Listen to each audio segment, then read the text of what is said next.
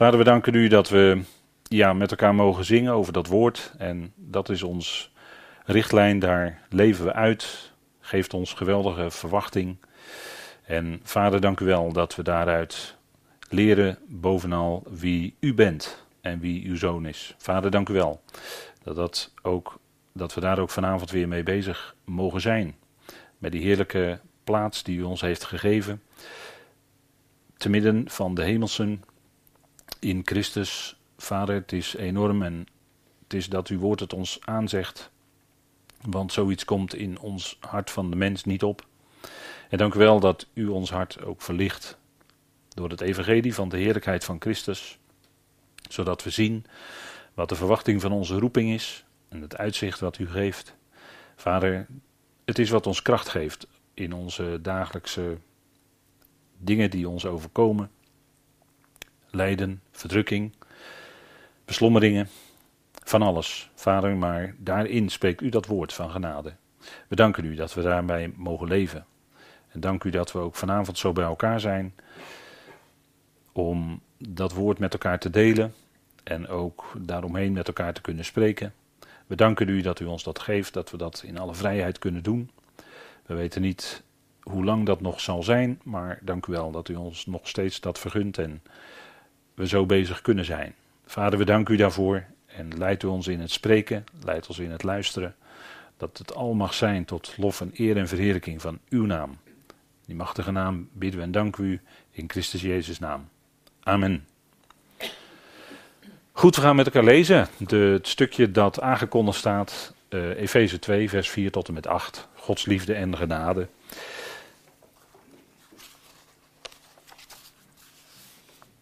En wij lezen dan: God echter, die rijk is aan barmhartigheid, vanwege zijn onmetelijke liefde waarmee hij ons lief heeft, wij die dood zijn voor de krenkingen en de begeerten, maakt ons gezamenlijk levend in Christus.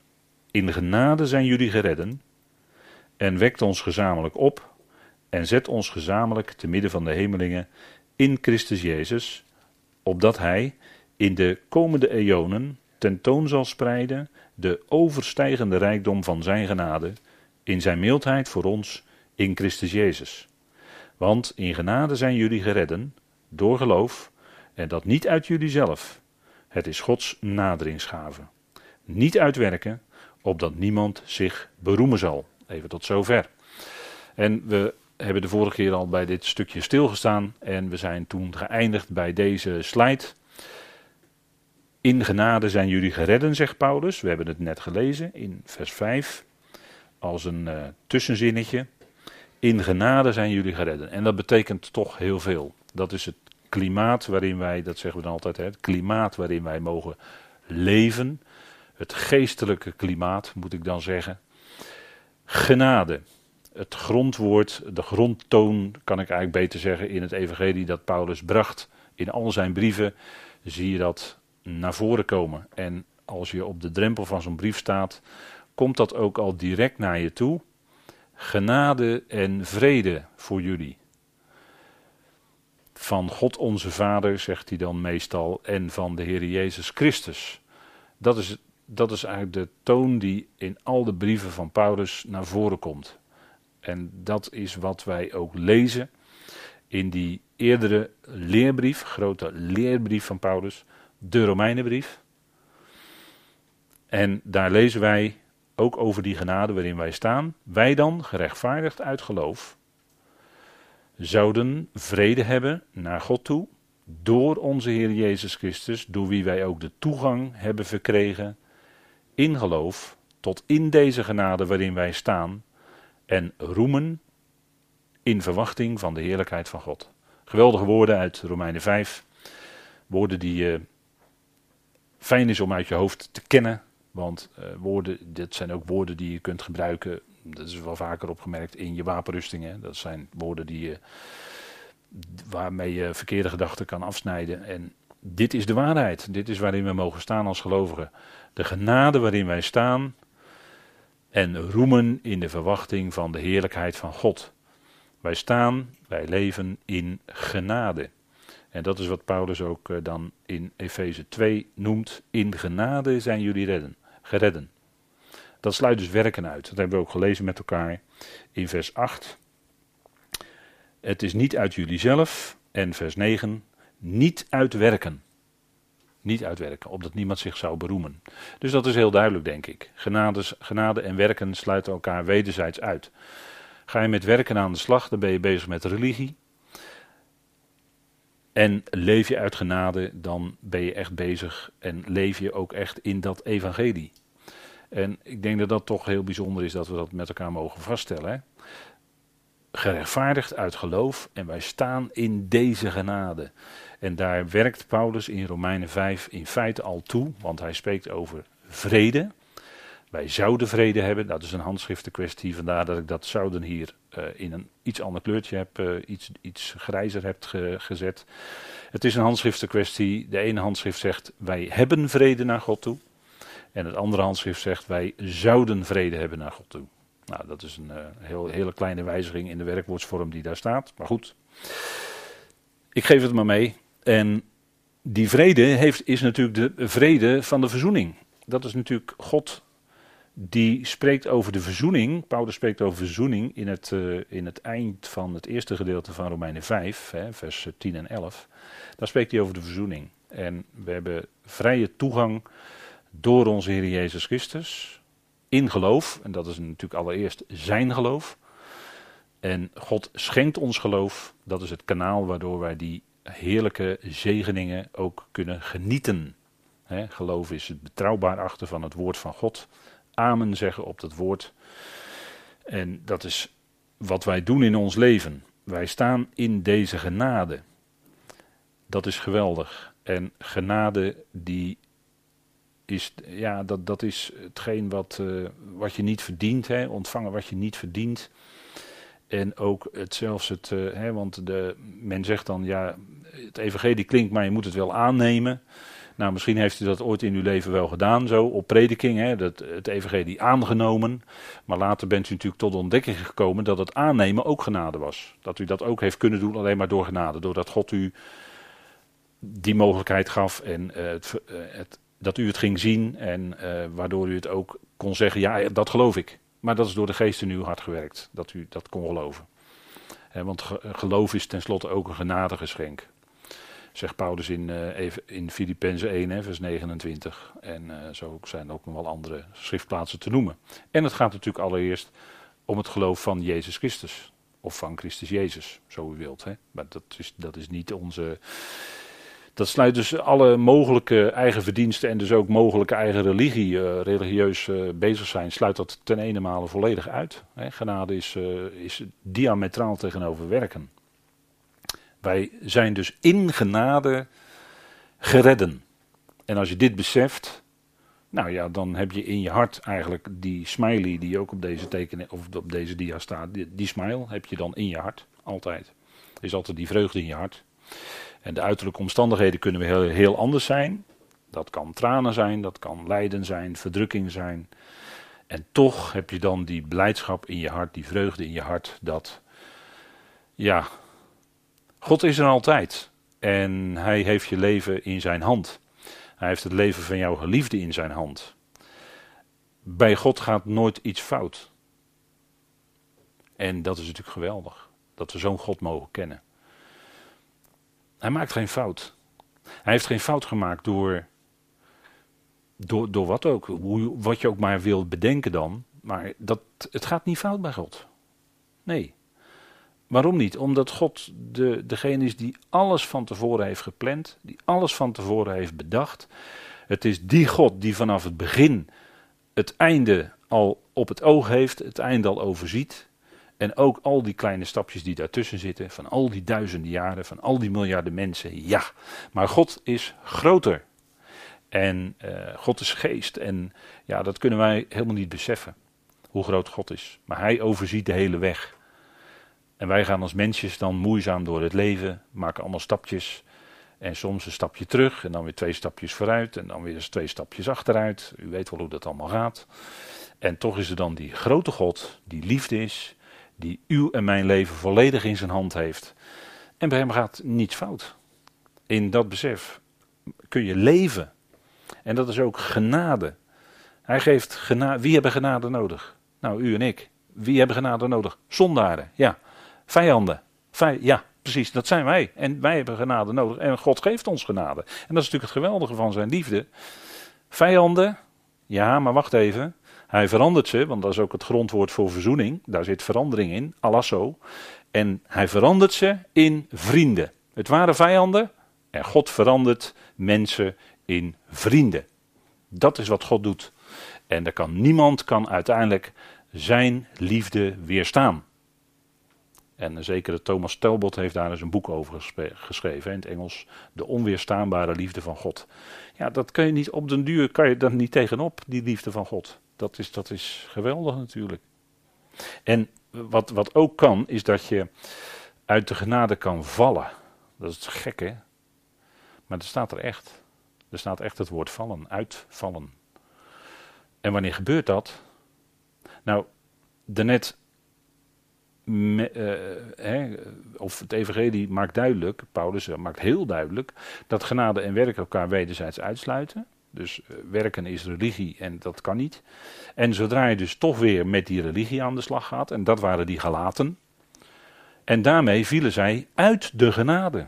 Zij wilden weer in wet gerechtvaardigd worden. dat is, we zeggen, in de weg van de wet of in de weg van de werken. Wilden zij een stukje rechtvaardigheid verdienen als gelovigen zijnde. En wat zegt Paulus dan? Onwerkzaam worden jullie gemaakt weg van Christus, notabene. Jullie die in wet gerechtvaardigd worden, uit de genade vallen jullie. Dat gaat om hier om de praktijk. gaat om de praktijk. Dit is niet de lering, maar dit is de praktijk die Paulus hier noemt. Als je dus in de praktijk toch weer aan de slag gaat als gelovige met werken, om iets te willen verdienen voor God, of misschien wel iets goeds te willen doen voor de ogen van mensen, zou je dat ook nog kunnen doen, want zo gaat het ook vaak onder groepen gelovigen. Dat je voor de ogen van mensen iets doet. Maar ook daarvan maakt hij je vrij. Maar ook daarvan maakt Christus Jezus je vrij. Want op het moment dat je dat dus gaat doen, hoe dan ook, welke motief je daar ook voor hebt, zodra je met iets van werken aan de slag gaat, dan val je dus uit de genade. Dat wil zeggen, uit, het, uit de werkingssfeer of uit, de, ja, uit dat gebied waar de genade werkt. En dat heeft niks te maken met je redding bij de bazuin of zo. Dat, dat is helemaal niet in vraag hier. Maar het gaat hier om de praktijk. Leef je nu in de praktijk uit of in genade? En dat is het punt. Dat is het punt. En die Galaten die vielen dus uit de genade. Doordat ze weer bezig gingen met de werken, met, met de wet, met de regels, hoe je het ook noemen wilt. Religieus, op een of andere manier. En dan ga je dus weg van Christus, dat is wat Paulus hier zegt hè, in vers 4 van Galaten 5. Dan ga je dus weg van Christus, want je toch weer zelf. Toch weer zelf. Nee, Christus is je kracht. Ik vermag alle dingen in Hem die mij kracht geeft. Christus, ja. Dat is wat Paulus zegt in Filippenzen. En zodra je dat dus loslaat, dan ga je toch weer proberen zelf te doen. En dan val je dus uit de genade. Dat is wat Paulus hier zegt. En dat is wat we met de gelaten brief natuurlijk ook uitgebreid besproken hebben. Maar kijk, het is natuurlijk niet zo. Het is heel fijn als je de gelaten brief studies misschien allemaal geluisterd hebt. Ja, dat is fijn. Maar het is dan niet zo dat u kunt zeggen, nou, ik heb alle gelaten studies eh, beluisterd en nu weet ik het wel en ik eh, doe de gelaten brief niet meer open. Nee. Elke keer weer opnieuw lezen, die schriften, ook die gelaten brief, opnieuw lezen. En de studies zijn alleen maar bedoeld om een klein beetje toelichting te geven bij wat er staat geschreven. Maar het gaat uiteraard om wat er staat geschreven. Natuurlijk. En, en dat, is, dat, is, uh, dat is altijd wat, wat de schriften zelf zeggen. Dat is je kracht. Daarin zit ook je kracht. Daar, daarin zit dat leven. Hè? De heer Jezus zei het al in Johannes 6. Mijn, de woorden die ik tot jullie spreek, en dat is natuurlijk via Paulus ook, zijn geest en leven. De woorden die hij spreekt als verheerlijkte Heer. Geest en leven, voeding voor je geest. We hebben het net gezongen, hè? heilig woord van God. Voeding voor onze geest dat is wat je geest leven geeft. Wat je werkelijk doet leven. In de ware zin van het woord met de hoofdletter, allemaal hoofdletters. En dan ben je niet meer bezig met religie, maar dan leeft Christus zijn leven, met een hoofdletter dus, door jou heen uit. En daar gaat het om. En je kan het ook anders zeggen, vrucht van de geest, ja. Maar denk erom, vrucht van de geest, hè. Dus niet vrucht van wat jij allemaal met veel inspanningen probeert tot stand te brengen. Want dat is geen vrucht, dat zijn werken. En dat, is, dat, dat snijdt altijd af. Nee, en dat is een oude les, hè, ook. Dat, dat moet afgesneden worden, dat moet gesnoeid worden. Dat is een oude les uit de natuur. Je moet snoeien. En, en laatst legde iemand dat uit. En uh, die zei van, dat ging dan over een appelboom. Die zei, je moet, uh, je moet uh, goed snoeien. En dan moet je zorgen dat, dat, die, dat die takken zo uitstaan. zodat de, en je moet van binnen dan goed wegsnoeien. Zodat er zoveel mogelijk licht in het hart van die appelboom kan komen. En dan krijg je de meeste appels, laat ik zo maar zeggen. Dan krijg je de meeste appels. Dat is toch een prachtig beeld uit de natuur. Want in de Bijbel wordt de mens ook vergeleken met een boom. En de Heer die zegt ook, van, als hij het heeft over die wijnstok, dat hij die wijnstok snoeit. Dat doet de vader, die is de landman. Die snoeit. Waarom? Niet, niet dat die takjes allemaal oud zeggen, wat je knipt van alles weg. Nee, hij snoeit. En dat doet hij ook in ons leven. Opdat we meer vrucht dragen natuurlijk. Dat wat in de weg zit, die takjes van onze eigen werken, die snoeit de Heer dan weg. Opdat die vrucht van de geest dan naar voren komt. En ik vond het eigenlijk, toen ik dat hoorde over die appelboom, iemand legde dat uit, vond ik prachtig. Zorg dat het hart van die appelboom, hè, zo, dat er zoveel mogelijk licht in kan komen. Nou, wat, wil je dan nog voor een mooie voorbeeld hebben? Dat is toch Gods woord. Zijn licht wat dan in je leven valt. Dat. Dat je hart open staat voor dat woord. Dat is heerlijk. Dat geeft vrucht. In genade zijn jullie geredden. Genade is hetgeen waarin je als gelovige goed gedijt. Waarin je goed kan groeien. Want in genade dan leef je ook in de vrijheid. En die vrijheid wil zeggen los van die religieuze werken. Dus de vrijheid, dan heb je je handjes vrij om de Heer te dienen. Dat is, dat is die vrijheid hè, die we in Christus hebben. En wat is die geweldige genade die we dan lezen hier in Efeze? Nou, alles wat Paulus al heeft gezegd in, in, tot nu toe. Nou, hij zegt drie keer iets zegt hij over ons. Hè. Eerst zegt hij, hij maakt ons gezamenlijk levend. Ten tweede, hij wekt ons gezamenlijk op. En ten derde, hij zet ons gezamenlijk te midden van de hemelsen. Of hemelingen staat er in het boekje, maar goed, hemelsen, prima. En dat staat alle drie keer als een feit. die werkwoorden staan er als een feit. Dat zijn feiten. Dat is dus niet aan tijd gebonden, maar het is een feit. En dat is natuurlijk geweldig. Te midden van de hemelsen. En dan moet u denken aan, ik heb er een heel simpel plaatje bij geplaatst. Maar helemaal, helemaal omhoog, hè? Dat, is, dat is hoger. Dan zijn we echt in, uh, te midden van de hemelsen. En we, we stellen ons dat altijd als aardse mensen voor als heel hoog.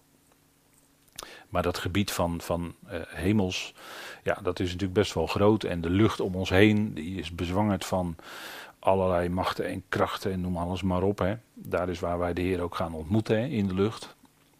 Maar daarna gaan we verder, laten we maar zeggen, naar het, zoals de Bijbel dat noemt. Hè, er zit toch het woord epi in het Grieks voor, dat is op of over. In, we, we zeggen dan het ophemelse of uh, hè, ons, ons uh, lotdeel is te midden van de ophemelsen, is het letterlijk. Hè?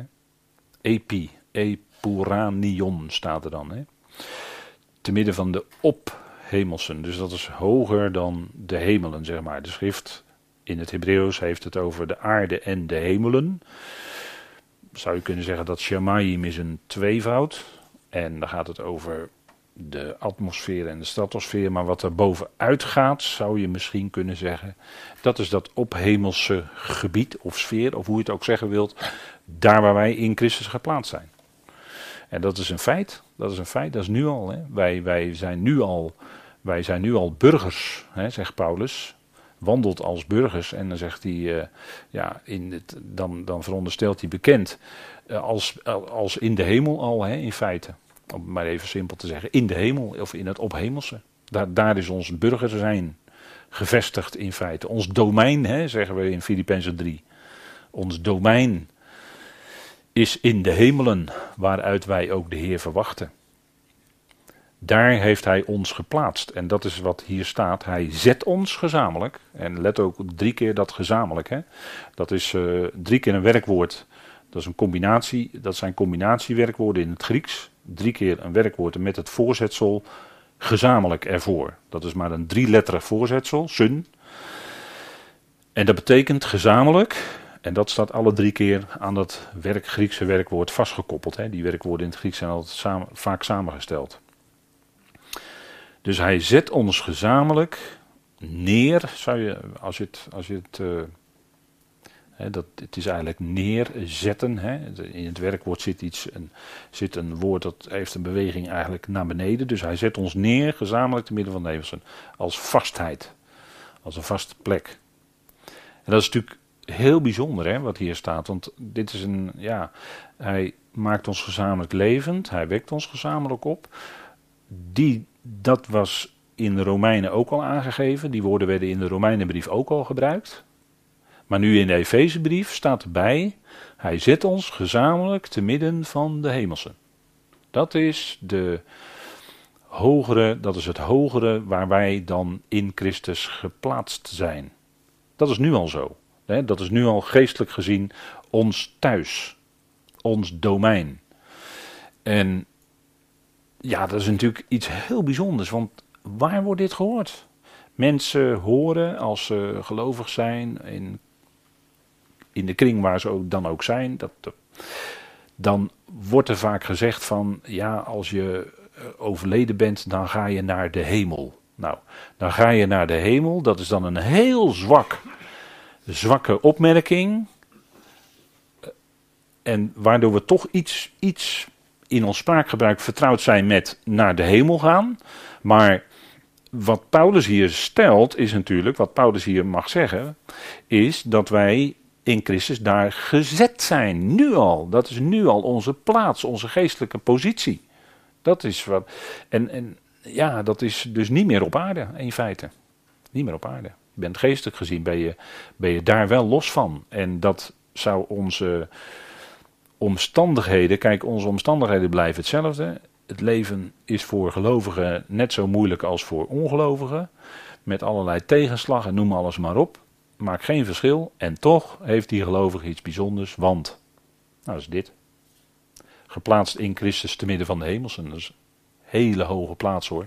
En dat is iets wat we ja, eigenlijk met bijna, bijna met een beetje schroom met elkaar vaststellen. Ja, wie zijn wij? Want ons, hè, dat ons, drie keer hier dat ons, dat, dat ja, als je, als je het voorgaande hebben we natuurlijk met elkaar gelezen. Het voorgaande ging het om uitgelovigen uit Israël, hè, die Paulus gingen volgen, en gelovigen uit de natieën, jullie. En dat gezamenlijk is dan het ons, als heel lichaam van Christus. Het geldt voor ieder lid van het lichaam van Christus. En dat betekent natuurlijk voor mensen uit de natie heel veel.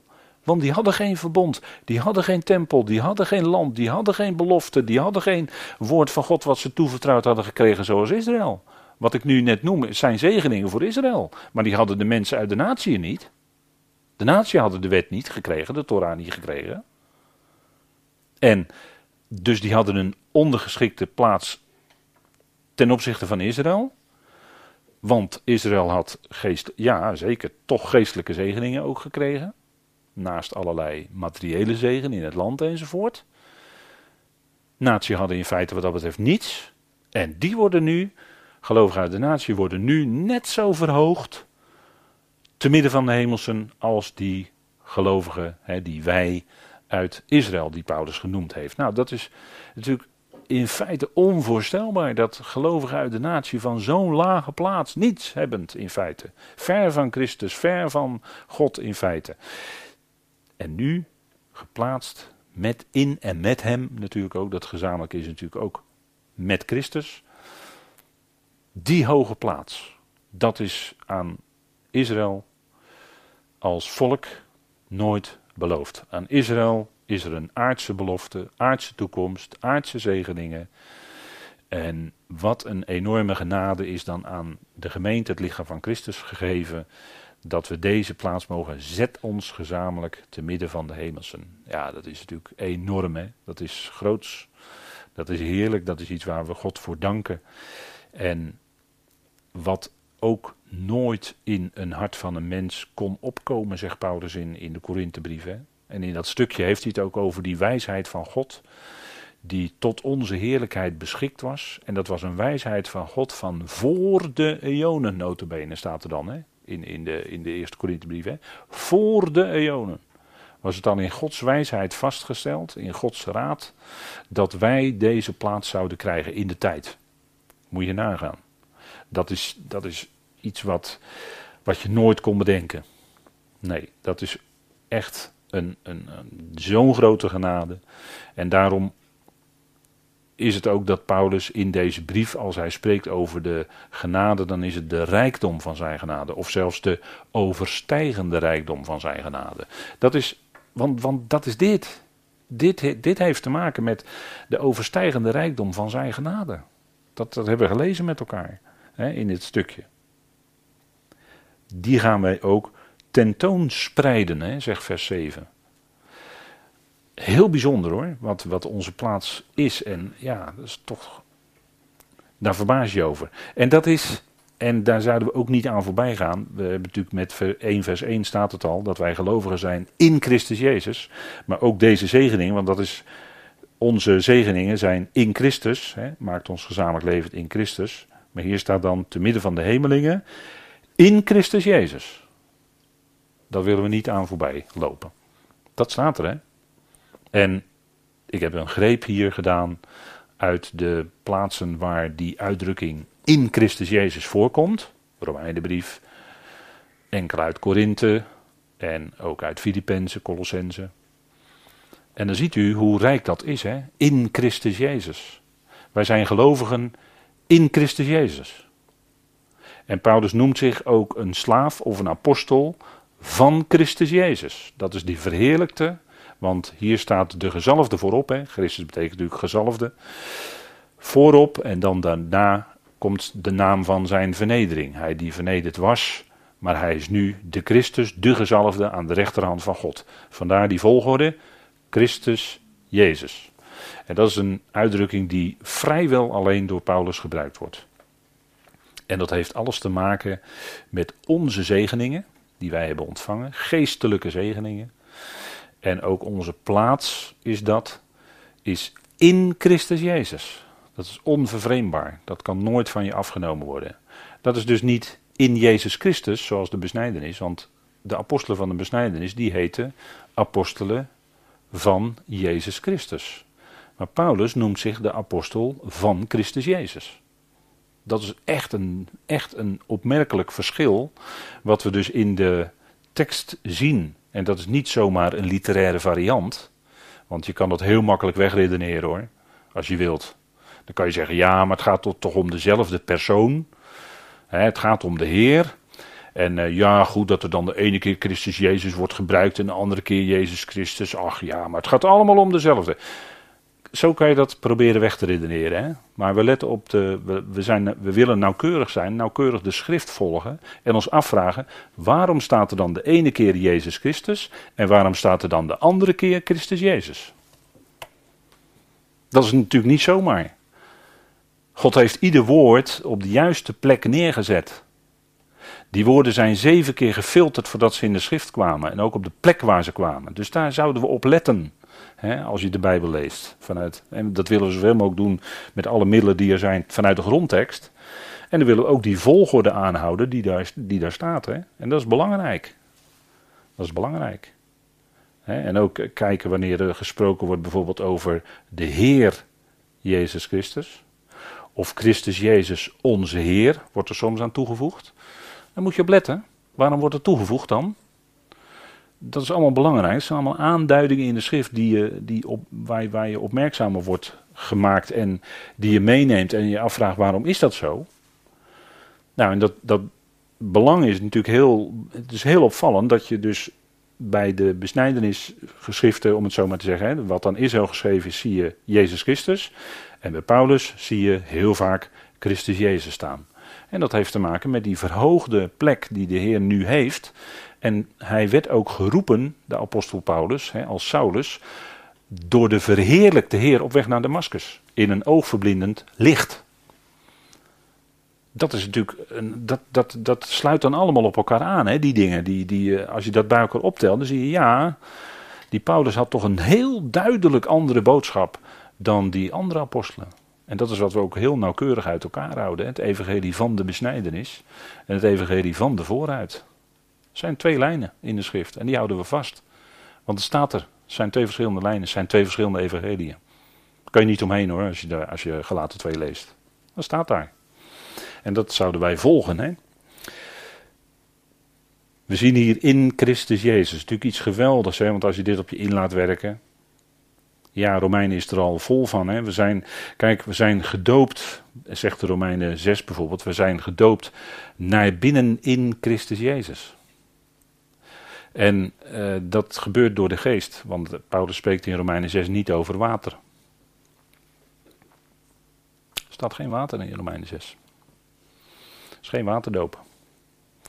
En uh, ja, wat, waar, het, waar het in feite, waar het echt om gaat in, in deze tijd, is dat wij, dat is een werk van de geest van God, om het zo maar te zeggen, dat wij gedoopt zijn naar binnen in Christus Jezus. Wanneer, op, nou laten we maar zeggen met onze taalgebruik, op het moment dat we tot geloof kwamen. Op het moment dat je gelovig werd werd je gedoopt naar binnen in Christus Jezus. En zo werd je ook naar binnen in dat ene lichaam gedoopt. Zegt Paulus 1, 1 Corinthië 12 vers 13. In die ene geest zijn we allen naar binnen in één lichaam gedoopt. En dat is ook naar binnen in Christus Jezus gedoopt zijn. Of werden. Kan je ook nog zeggen, het staat er passief. Gedoopt werden. Dat is een geestelijk iets dat aan ons voltrokken is. Ja, en daarom, kijk, omdat dat is waar het om gaat, dat is waar het om gaat. En, en als je de brief van Paulus leest, hè, voor, voor nu, dan uh, is in feite die waterdoop niet aan de orde. Dus niet nodig. En, uh, want het gaat hier om die ene doop in de geest. En zo zijn we naar binnen in Christus Jezus gedoopt. En het resultaat daarvan is dat wij in Christus Jezus zijn. Of in Christus zijn. Dat is het resultaat. Dat is alles. Daar kunnen we ook niets meer aan toevoegen. En daar hoeft dus ook geen eh, waterdoophandeling eh, aan toegevoegd te worden. Dat is, eh, dat, is, dat is bij Paulus niet aan de orde. Ik denk dat dat duidelijk mag zijn. Hè? En dat is geweldig. In Christus Jezus is er, en ja, ik doe maar een enkele greep hoor, Romeinen 8 vers 1, bekend, hè, geweldige woorden. Ook voor je wapenrusting heel goed om te gebruiken. Wij zijn in Christus Jezus en voor hen die in Christus Jezus zijn is er geen veroordeling. Niet mogelijk. Is geen veroordeling. Er is geen neerrichten of uh, neerrichten, ja, neerrichting. Het is eigenlijk het effect hè, wat er staat. Mogelijk. Hè, bij, er is geen veroordeling mogelijk voor hen die in Christus Jezus zijn. Dat is geweldig hè. Als je beseft die rechtvaardiging om niet vrijkoping, ja, in Christus Jezus. Dat is natuurlijk geweldig. Dat is een en al genade. Die liefde van God, iets verder in Romeinen 8, is ook in Christus Jezus. Dus eh, degene die beseffen in Christus Jezus te zijn, om het zo maar te zeggen, dat is natuurlijk een geestelijke, geestelijk iets dat voor gelovigen geldt, die zijn helemaal ook in die liefde van God geborgen. Dat is je heerlijke zekerheid. Niets kan je scheiden van de liefde van God. Eerst wordt er tegen ons gezegd: niets is ter veroordeling voor hen die in Christus Jezus zijn. En het hoofdstuk eindigt jubelend met uh, die hele liefde van God, verzoening. Niets kan ons scheiden van de liefde van God die is in Christus Jezus. Ah, dat is natuurlijk geweldig, hè? daar zingen we van. En terecht, daar zingen we van. En daar zingt je hart van. Als je dat uh, beseft, dat is die vreugde die we hebben. En, en dat is die geweldige liefde van God, hè, die, die de, gevend is. Genade is ook iets dat altijd geeft, hè, om niet, zonder iets terug te verwachten. En we zeggen, dank u wel. En dat respons wat dan in ons hart komt, dat is iets wat, om het menselijk te zeggen, het, ook het hart van God verheugt. Hè. Die liefde van God vindt weerklank in ons hart en wij beantwoorden die liefde en we hebben God lief. Omdat hij eerst ons heeft liefgehad. En dat is natuurlijk geweldig, want ja, dan besef je ja, wat er ook gebeurt, vader, maar dat kan me niet scheiden van uw liefde. Hoe, dat, er kan nooit iets tussenkomen tussen u, liefde en mij. En ja, dat is ook iets heel persoonlijk natuurlijk, wat we kunnen uitspreken in gebed, in dank, in zingen, in noem alles maar op. Hè. En, en ja, dan is het ook logisch dat je alleen ook kan roemen in Christus Jezus. alle roem is uitgesloten, zeggen we dan, maar dan bedoelen we roemen op eigen werken. Dat is uitgesloten. Maar wij roemen wel, maar wij roemen alleen uitsluitend en alleen in Christus Jezus. Dat is wat Paulus ook zegt hè, in Filippenzen. Als hij het heeft over zijn uh, eventueel dingen van het vlees waarop hij zich had kunnen of zou kunnen beroemen. Dan zegt hij nee, we roemen alleen in Christus Jezus en we stellen geen vertrouwen op vlees. Dat sluit ook werken natuurlijk uit. We stellen geen vertrouwen op vlees, want het vlees wil graag werken. Maar de geest draagt vrucht. En dat is natuurlijk, ja, wij roemen alleen in Hem. Want ja, dat is, en dat is niet vroom, maar dat is echt, echt vanuit ons hart. We roemen alleen in Hem, omdat Hij het allemaal gedaan heeft, omdat Hij het doet in ons leven. Daar gaat het om. Ja, dat is natuurlijk geweldig, hè. Dat is waar. Uh, en je gedachten worden bewaard, hè. Filippenzen 4, vers 7, bekende woorden, maar. Ja, alles met gebed, met dank uitspreken voor God de Vader. Wetend dat Vader het zal uitwerken tot wat goed is, wat Hij goed acht. Ja, dan worden je gedachten daarin bewaard. Die geweldige vrede van God, die regeert dan in je hart. En dan worden automatisch je gedachten bewaard. Ja, dan staat er ook bij in Christus Jezus. Hè? En er staat een heel sterk woord als in een vesting, voegen we er dan aan toe, om dat nog eens te benadrukken. Maar dat is natuurlijk geweldig als je gedachten daarin bewaard worden. En er komen natuurlijk, ik weet niet hoeveel berichten uit de media elke dag op ons af. Maar, en, en als, je, als je daarop te veel gaat reageren, te veel gaat lezen, dat alleen maar tot je neemt, ja, dan moet je niet gek opkijken dat dan die gedachten met jou op de loop gaan hoor dan gaat het niet goed. Dan ga je in het bekende cirkeltje naar beneden, weet je wel. Nee, je gedachten worden bewaard in Christus Jezus. Gebed, dank. Dank Vader. Hij heeft het in zijn hand. Ja, maar daar is oorlog en daar is een grote aardbeving. En dat zijn verschrikkelijke dingen. En mensen worden in een enorm lijden gestort. En dorpen worden verwoest. Het is verschrikkelijk allemaal. Het is verschrikkelijk wat er gebeurt. En het zou heel makkelijk dan kunnen als je dat ziet. Al dat lijden, al dat en je kan het niet. Je armen zijn te kort. Ja, wat kun je dan doen? Nou, ga ermee naar vader. Daarmee is dat, is dat lijden van, en die ellende van al die mensen niet weg. Maar we, weten, we mogen wel weten, uiteindelijk, vader, vader, uiteindelijk, ja.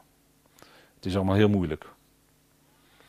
En, en, en het is natuurlijk door de Heer voorzegd Matthäus 24, u kent de tekst zelf wel te reciteren, denk ik. Wat er allemaal zal gebeuren als we het hebben over de laatste dagen.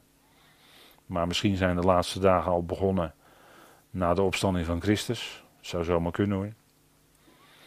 En dan leven we nu in het laatste van de laatste dagen, om het zo maar te zeggen.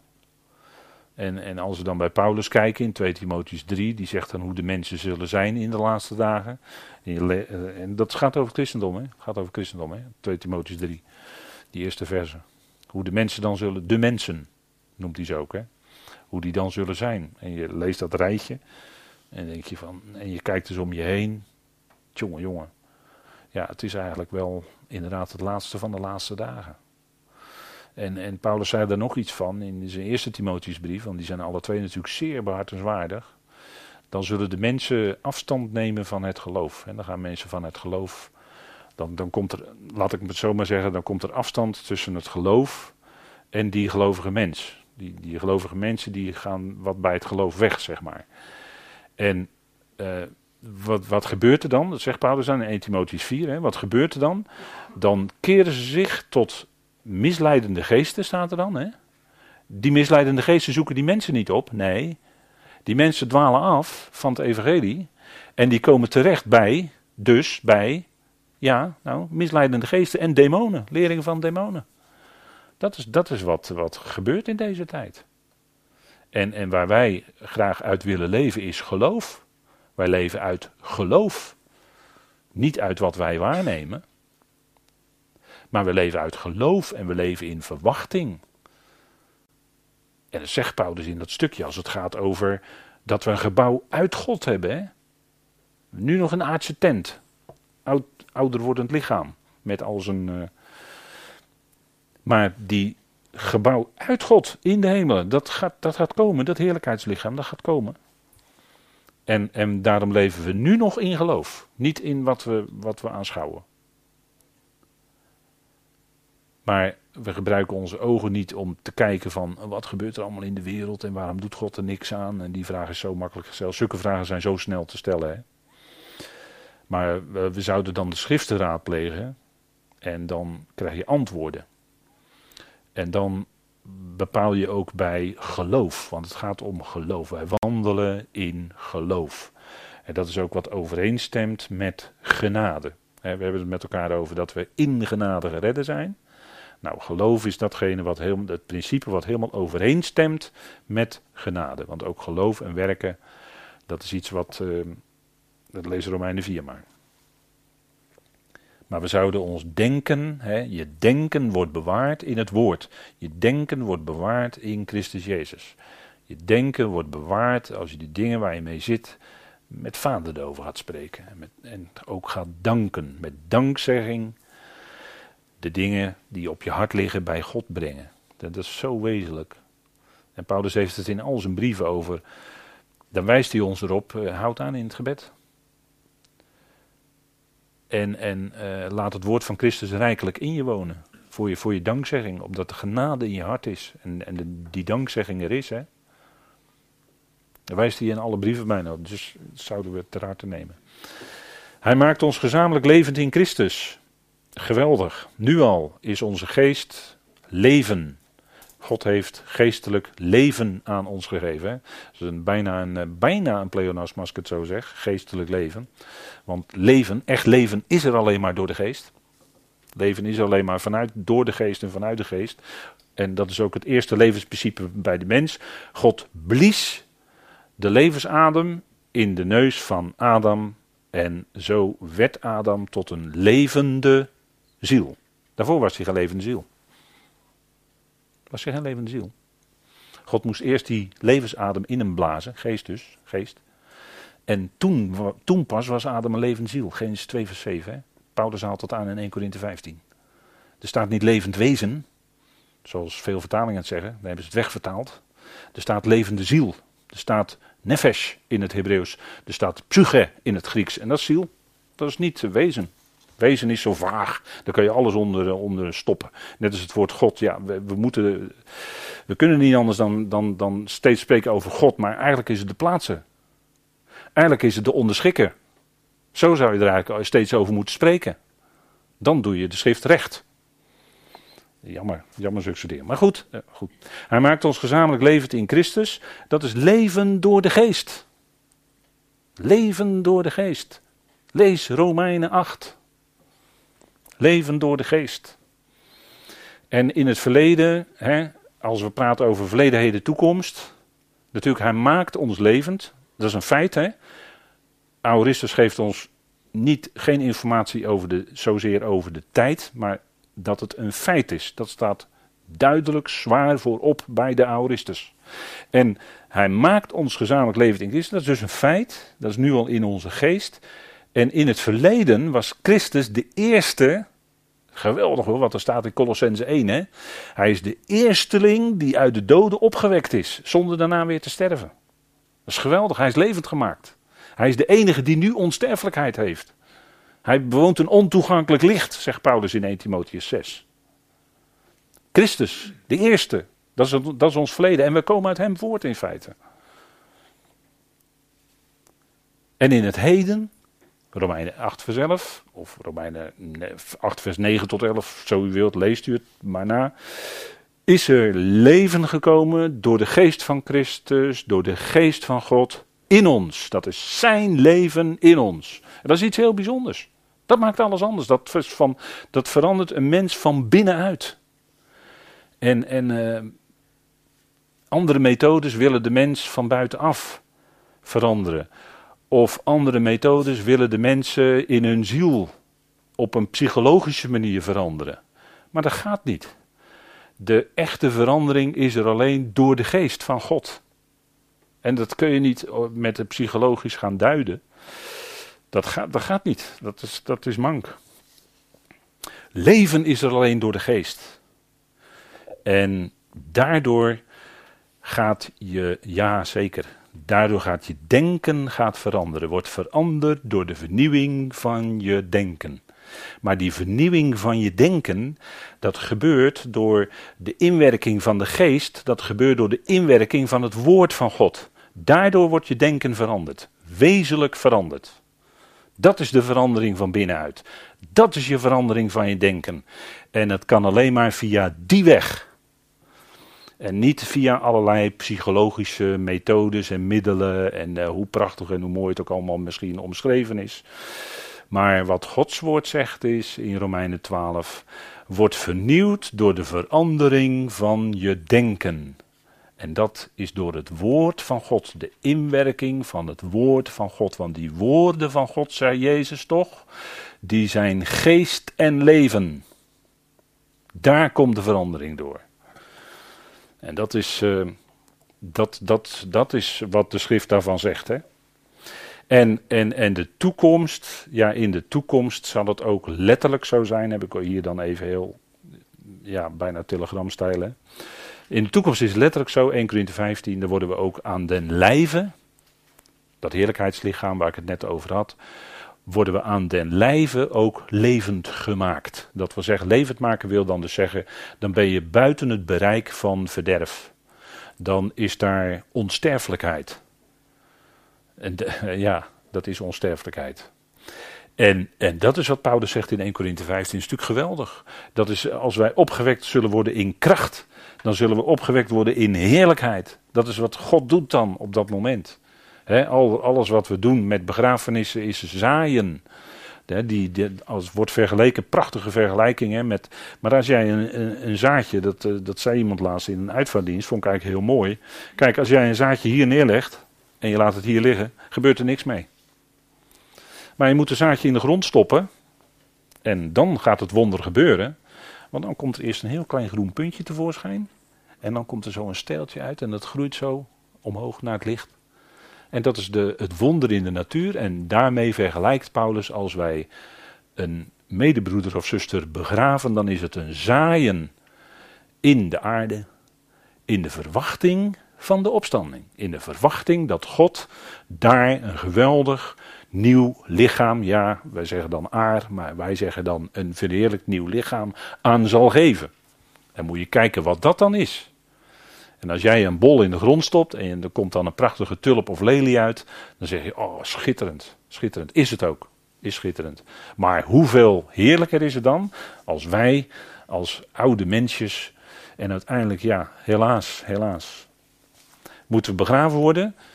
Maar wat God dan gaat geven in die opstanding, ja, dat is zoiets geweldigs. Daar had Paulus wel heel veel versen voor nodig in 1 Corinthië 15 om dat te beschrijven. En, en ja, daar leven natuurlijk naartoe. In de toekomst zullen wij letterlijk levend gemaakt worden. Wat wil je dan nog meer? Kijk, de eersteling is er al. Christus, hè, eersteling is een oogstterm. De eersteling Garve, weet u wel, die werd op de 16e Nissan heen en weer bewogen. En dat was een geweldig type van de opgestane Christus. De 16e Nissan is hij opgewekt. En op die dag moest de priester die eersteling garven bewegen voor het aangezicht van Yahweh. Dat was de eersteling. Maar dat was een garantie dat de hele oogst ook zou komen. Nou, Christus als eersteling is er al. Er is de garantie dat de hele oogst ook komt. Daarna is het niet zo moeilijk meer, bij wijze van spreken. Hè. Is niet zo moeilijk meer. Komt de rest ook, alle mensen in Christus. Alle mensen levend gemaakt. En dan zegt men, ja, dat zeggen jullie nu wel als alverzoeners, maar je moet eerst zorgen dat je in Christus bent. Hè? Want eh, alleen als je in Christus bent, dan word je levend gemaakt. Nee, dan draait het om. Dan draait het om. Er staat in 1 Corinthië 15, in Christus allen levend gemaakt. Er staat niet allen die in Christus zijn, zullen levend gemaakt worden. En je moet eerst zorgen dat je in Christus komt, want dat wordt dan verteld. En wordt tegen ons dan aangeduwd als alverzoeners zijnde. Maar dat staat er niet. Er staat in Christus hè, allen levend gemaakt. Er staat, dus we houden daar ook nauwkeurig de Griekse volgorde aan. In Christus allen levend gemaakt. Dat is, dat is wat, dat volg je letterlijk wat er in het Grieks staat. Nou, beter kun je toch niet doen? Ik bedoel, dat, dat is, dat is, daar, daar word je op gewezen, dat staat daar. dat is natuurlijk een geweldige boodschap, hè? Allen levend gemaakt. En dat doet God in rangorde. Dat heeft Hij zo bepaald. En ja, daar mogen we dan heel dankbaar Hem voor danken. Dat Hij dat zo gaat doen. Want ja, wie zijn wij om daar commentaar op te hebben? We kunnen alleen maar dat nawijzen, Heer, wat geweldig. Dat staat in de schrift, wat geweldig. Daar dank u voor. Dat is heerlijk. Allen levend gemaakt. Wat een toekomst. Wat een heerlijkheid. En als je dan over een graf, bij een graf staat, dan denk je, dan denk je daaraan. Nee, dit is niet het laatste woord, Heer. Nee, nee. Dit, dit is niet het laatste woord. Nee. Opstanding. Heer, u gaat leven geven. En dat is natuurlijk geweldig. Hè? Dat is waar we elke keer elkaar op wijzen. En dat is ook uh, waardoor we bemoedigd worden. En ik denk dat het goed is om even te pauzeren nu.